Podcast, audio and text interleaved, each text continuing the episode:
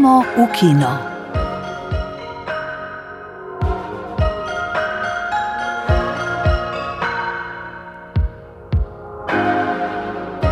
Dobr dan in dobrodošli v naši filmski oddaji. Dedek gre na jug, to je naslov novega filma Vinčija Voga Anžlovarja, ki te dni igra v kinu. Marsikdo bo pomislil, da gre za nadaljevanje babice izpred 30 let in še malo. Toda filma imata z izjemo potovanja na jug morda celo več razlik kot skupnega. Film bomo pretresli v recenziji. Tej ne bo obežal niti najnovejši izdelek enega od najvplivnejših holivudskih režiserjev zadnjih generacij, Stevena Spielberga, ki se je s Fabelmanovimi vrnil v čas svojega odraščanja. V zadnjih minutah vas čaka zlatim beneškim levom nagrajeni dokumentarec. Laura Poitres je v njem povezala na prvi pogled ločeni temi: dvoličnost farmacevtske industrije in delo ameriške fotografinje Nen Goldin. Kako ji je to uspelo, izveste v oceni filma Vsa ta lepota in prelivanje krvi. Ako se vrati. Stokrat sem si želel, da bi kar ugasnil, da bi bilo konc vsega. Ti dođeš na moje radije, govoriš mi na mene, da budem razuman. To je mnogo nerazumno, majke mi. Nekdo se poskuša znebiti vseh upletenih. Absolutno patetično. Kako se to frkina devojčica? Priletela nama je pred avto. V novem igranem celovečercu Vinčija Voga Anžlovarja, dedek gre na jug, v glavnih vlogah zaigrata igralska prvaka Boris Kavaca in Vlado Novak. V filmu sta Boris in Vlado in nič drugače. Boris je nekdani džezovski glasbenik, še sam verjame v svojo nekdanjost. Je hospitaliziran, poslovil se je že od užitkov življenja. Tu sledi vejca, kaj ti pred dokončno predajo ga reši prijatelj Vlado. Zbežite na svobodo, to je za njo pot na jug. Vinčija Voga Anžlovarja je pred mikrofon povabila Tina Poglajen. Vinči Vovk Anžlovar, lepo pozdravljeni. Ja. Dedek gre na jug, je imel že pred premjeri v Ljubljani, v Porto Rožu, z današnjim dnem pa začenja pot po slovenskih kinih. Um, zdaj je že nekaj časa minilo od snemanja. Kako je to potekalo v času epidemije? Uh, ja, pač naporno, uh, z maskami, z prekinitvami. Najprej smo snemali deset dni, in pa smo mogli preustaviti pre, pre, snemanje, ker pač uh, ni bilo uh, sredstev od uh, države, obljubljenih sredstev. Uh, pol je producent vzel kredit, uh, uh, zastavil hišo, ker državna garancija ni dovolj v banki. Um, da smo posneli drugih deset dni, in pa smo čakali še eno leto, da smo posneli še zadnjih deset dni, oziroma devet. Um, Vmes je bilo pa skozi lock, lockdowni. Jaz sem z enim od svojih sinov bil štiri mesece sam. Na srečo sem takrat napisal scenarij za nov film, uh, ampak tako je bilo kar nekaj, kar tako malo vesoljsko, v bistvu vse skupaj. Uh -huh. uh, kako pa ste dobili idejo za zgodbo o dveh ostalih prijateljih in mlajši ubežnici? Mislim, jaz sem uh, teme vseh mojih filmov so načelno um, o iskrenem prijateljstvu in pravi ljubezni, um, ali pa o pomankanju le tega, uh, pri pokru recimo. In tako se mi je zdelo, da, da imam ene par stvari zapovedati uh, pred smrtjo, bi rekel. Um, uh, no, ampak v glavnem v bistvu govorim.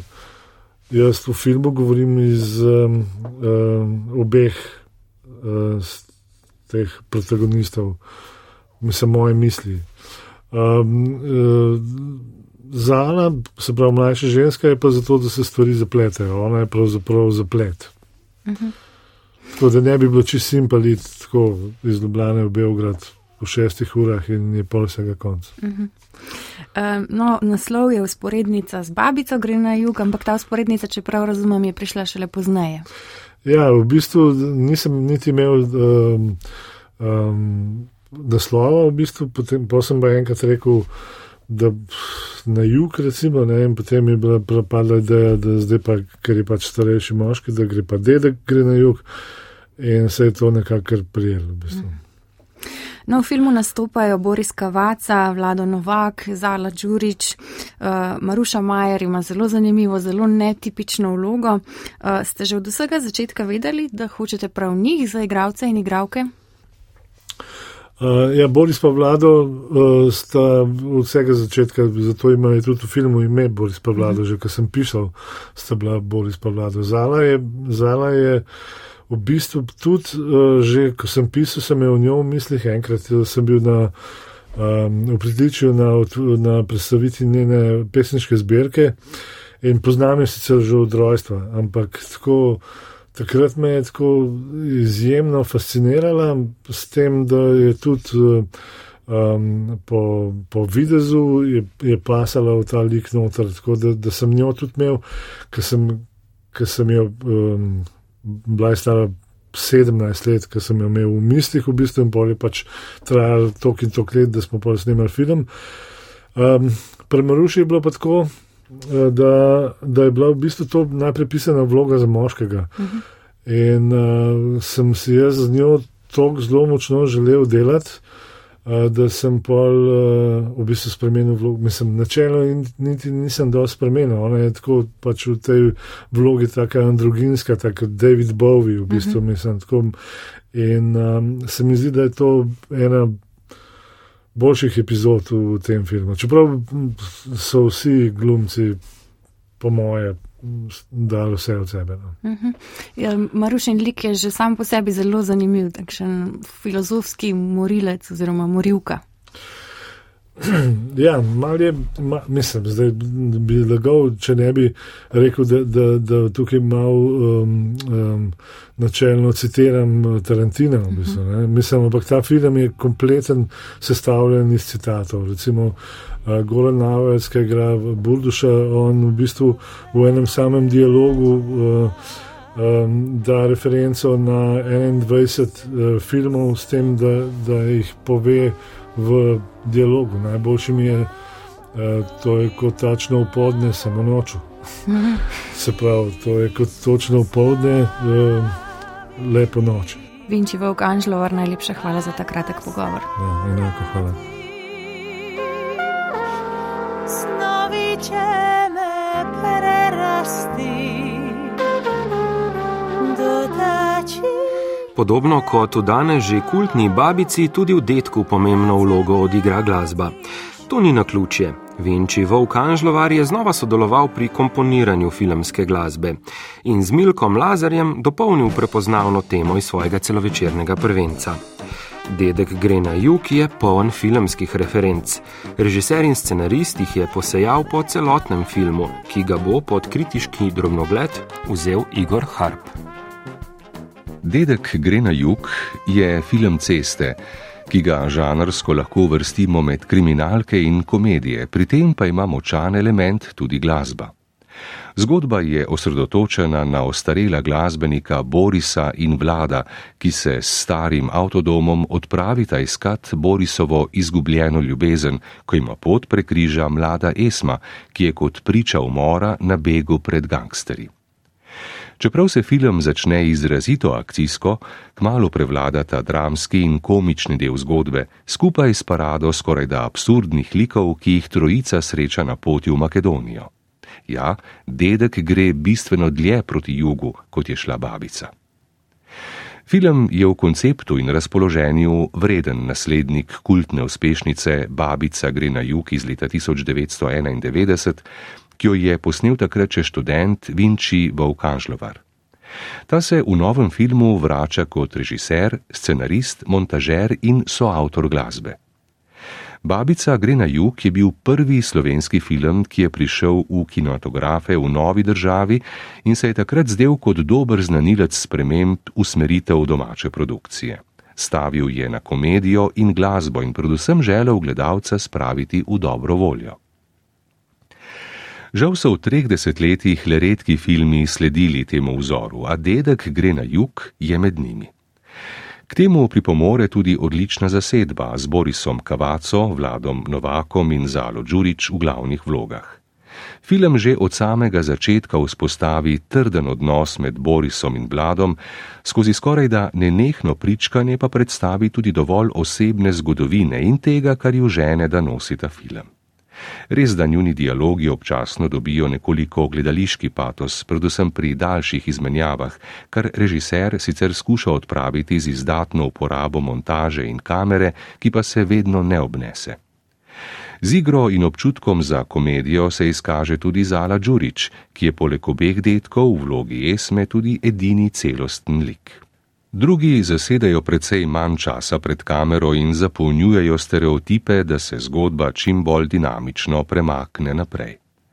A prav pri njih se izkaže kakovost scenarija in igralcev, saj liki, naprimer morilca v podobi Maruše Majer in Nenada Tokaliča, ter romska tihotapca, ki jo odigrata Hrvat Goran Navojec in Makedonec Senko Velinov, filmu dodajo humor, patos in karizmo. Hkrati to ne velja za vse stranpoti, ki jih ubere zgodba, a pri dobri uri in pol ne izgubi tempa, tudi ko se prepusti glasbi. No, morda bi morali reči predvsem, ko se prepusti glasbi, saj je ta ravno tako odlična, kot je bila pri predhodniku in ostane z gledalcem tudi po odhodu iz kina.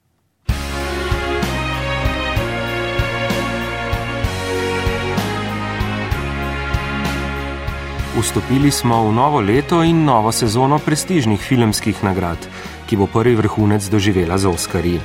Pred dnevi so v Združenju tujih dopisnikov Hollywooda podelili zlate globuse. Po s pandemijo omejenih izvedbah in po najrazličnejših bojkotih zaradi očitkov o premajhni rasni raznolikosti, ki se jim pridružujejo očitki o spolnem nadlegovanju, tudi strani članov združenja, je 80. podelitev zlatih globusov potekala precej gladko in na veselje gledalcev z nekaj pikrega humorja. Vodil jo je komik Gerard Carmichael in že v uvodnem nagovoru povedal, da je cesar nak. Sure, sure, sure. And I'll tell you why I'm here. I'm here because I'm black. Sem so me povabili, ker sem črn. Ne bom rekel, da je združenje rasistična organizacija, vendar do umora Georgea Floyda niso imeli nobenega temnopoltega člana. Zdaj pa počnite s to informacijo, kar hočete, je dejal Carmichael. Združenje tujih dopisnikov Hollywooda po dostopnih podatkih še lani ni imelo nobenega temnopoltega člana.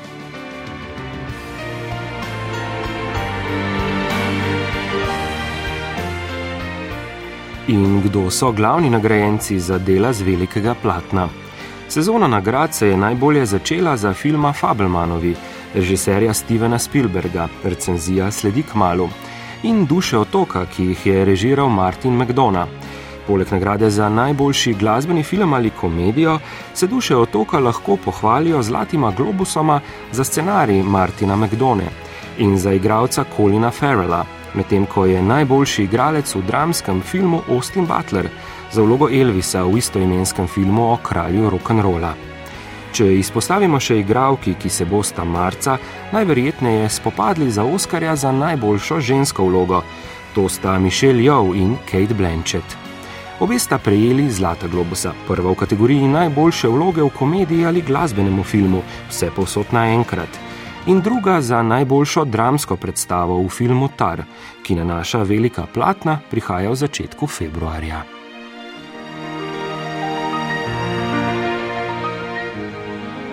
Steven Spielberg je prejel osrednja Zlata globusa. Po nagradi za najboljšo režijo se je na oder sprehodil še drugič. Čakal ga je Zlati globus za najboljši dramski film Fabelmanove. I've been hiding from this story since I was 17 years old. Pred to zgodbo sem bežal vse od svojega 17. leta. Veliko ovir sem si postavil, da je ne bi povedal. Delno v koščkih pa sem jo pripovedoval v vsej svoji karieri. Z njo sta precej povezana iti, vesolček in bližnja srečanja tretje vrste. Toda nikoli nisem zbral poguma, da bi jo povedal neposredno. Vse dokler ni so scenarist Tony Kushner, s katerim sva sodelovala že pri filmu München, to je bilo pred časom, dejal: Steven, povej mi kaj o vseh teh zgodbah, ki sem jih slišal o tvojem življenju.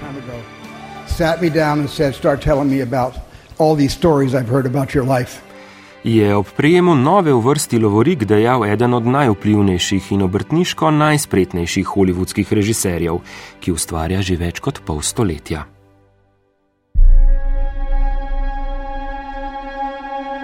Movies are dreams that you never forget. Steven Spielberg se je s Fabelmanovimi vrnil v čas odraščanja, ko se je kot deček prvič srečal z ustvarjanjem filmov in s trdim delom, ki ga terja montaža posnetkov. Ob prvih srečanjih s sedmo umetnostjo je odkril njeno skrivnostno moč. Film ujame in pokaže tudi tisto, česar nočemo videti, kar bi raje spregledali. V Fabelmanovih gledalci dobimo v pogledu manj naklonjene okoliščine Spielbergovega odraščanja ne vselej prisotno podporo staršev pri udejstvovanju sina v neresnem poklicu in odmeve antisemitizma v ameriški družbi 60-ih let. Fabelmanove si je ogledal Moanis Sinanovič in tole je njegov razmislek. Pol autobiografski film Stevena Spielberga Fabelmanovi se uvršča v skupino nostalgičnih pripovedi o odraščanju, ki so jih uveljavljeni režiserji posneli v zadnjih letih. Lani smo si denimo lahko ogledali Sladičevo pico Paula Thomasa Andersona in Božjo roko Paula Sorrentina, ki je autobiografski na podoben način kot Fabelmanovi. Na drugi strani lahko usporednico iščemo v Tarantinovi samonanašalnosti, ki vrhunec doseže s filmom Bilo je nekoč v Hollywoodu iz leta 2019. Gre skratka za razmah nekega žanra, ki postaja nekoliko utrujajoč. Uveljavljeni umetniki se v zrelih letih skozi nostalgično patino in z večjimi ali manjšimi ščepci mitologizacije ozirajo nazaj v svojo mladost, za kar potrošijo več milijonov dolarjev. A vendarle nas kljub ponavljajočim se vzorcem ti filmi vendarle pritegnejo. Fabelmanovi so poleg tega tipična zgodba o ameriški srednje razredni družini, o ameriški judovski družini, ameriškem geniju in ameriških sanjah, o ameriških 50. in 60. letih. Po svoje je ta žanr do velike priljubljenosti že pred desetletji pripeljal pisatelj Filip Roth. Na ravni same zgodbe od Fabelmanovih ne moremo pričakovati nič posebne izvirnosti. Njihov čar se skriva v treh stvarih: v izjemni kinematografski čutnosti, v izjemnem občutku za zgodovinske podrobnosti in v skromnosti. Barve, kostumografija in kadri nas so pomoči spontano vzniklih detajlih popeljajo naravnost v 50. Spielbergu se uspe ogniti nostalgiji in prav s tem, da nam tisti čas prikaže kot običajnega, pri tem pa poudarja drobne namige, vzpostavi igro podobnosti in razlik, ki pritegnejo pozornost in povedo nekaj pomenljivega o ameriški civilizaciji. S tem, ko se ogne samo mitologizaciji in tudi svojo mlajšo različico prikaže kot dokaj običajno, prepusti prostor zgodbi družinskih članov, sošolcev, deklet in široki paleti drugih likov, ki uspešno zapolnjujejo pisano fresko. Spielberg skratka dopusti, da prek njega film pravzaprav govori zgodbe o drugih, pri tem pa upelje še zgodbo o filmu samem kaj lahko o drugih in o času pove film kot medij, medij, ki pripoveduje, dokumentira, razkriva, arhivira, se spominja in manipulira. Umetnost, ki ni toliko plot posameznikove veličastne ekscentričnosti, kot je posameznik sam njen plot. Čeprav Fabelmanovi, kot rečeno, niso najizvirnejši film, lahko očarajo s tem, da nikoli ne obljubljajo več, kot lahko dajo, in nas ravno zato presenečajo s svojimi malimi preboji.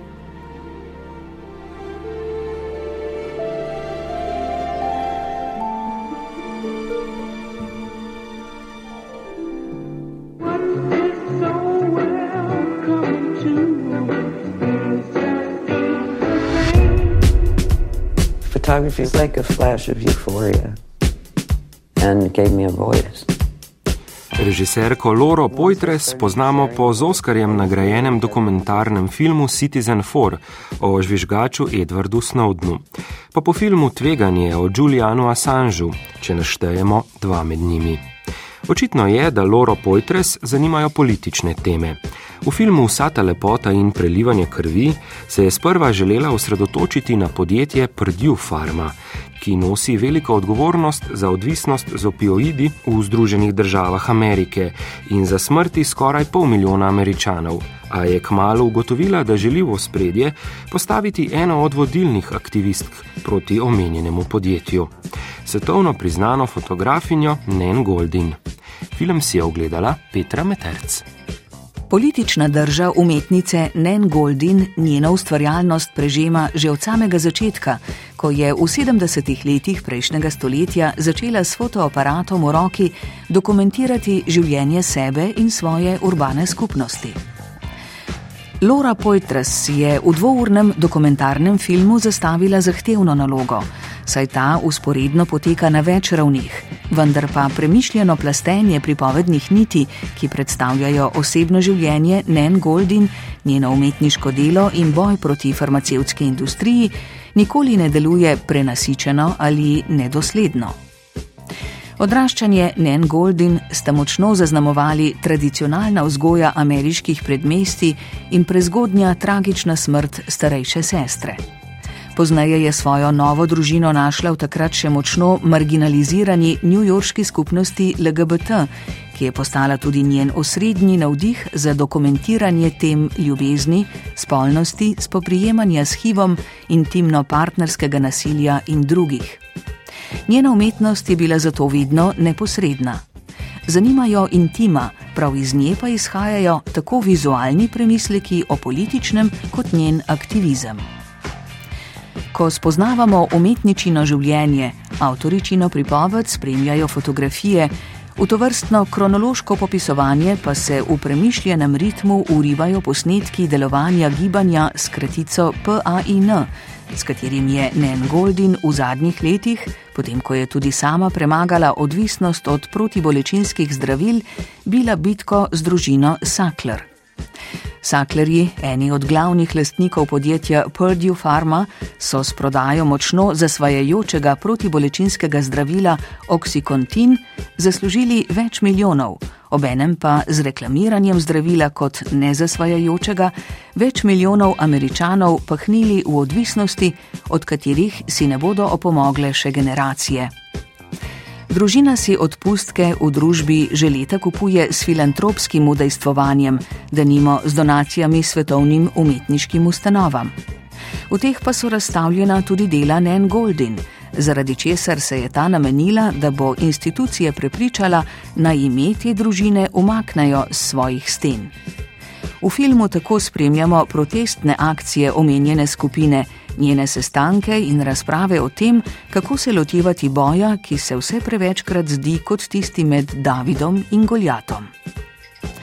Dokumentarni film Vsa ta lepota in prelivanje krvi je še eden v nizu pomembnih filmskih dokumentov sodobnega časa, ki jih je zasnovala Laura Poitras.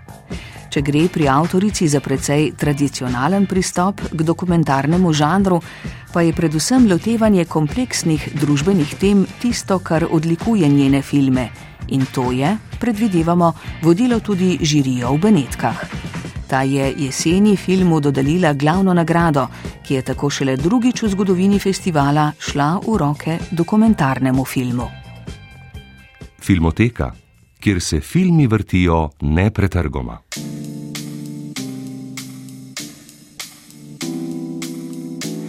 Prejšnji teden se je v 95. letu starosti poslovil direktor fotografije in filmski snemalec Ivo Belec.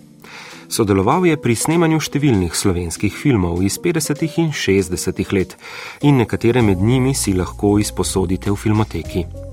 Bil je snemalec filmov Ne čakaj na maj 1957, tistega lepega dne 1962 in Nejoči Peter 1964. Njegovo umetniško sodelovanje z direktorjem fotografije Ivanom Marinčkom in režiserjem Francetom Štiglicem se je začelo s filmom Na svoji zemlji 1948 in nadaljevalo pri devetem krogu 1960, s katerim so si prislužili nominacijo za tuje jezičnega Oskarja. Ivo Belec je sodeloval pri prvem slovenskem barnem filmu Srečno Kekac 1963 in na to sredi 60-ih let odšel na televizijo Slovenija, kjer je nadaljeval delo kot mentor mnogih rodov mladih snemalcev. V Združenju filmskih snemalcev so se Ivu Belcu poklonili leta 2016 ko se je kot častni član skupaj z Ivanom Marinčkom in Žarom Tušarjem upisal med prve prejemnike stanovske nagrade Iris za življensko delo na področju filmske fotografije.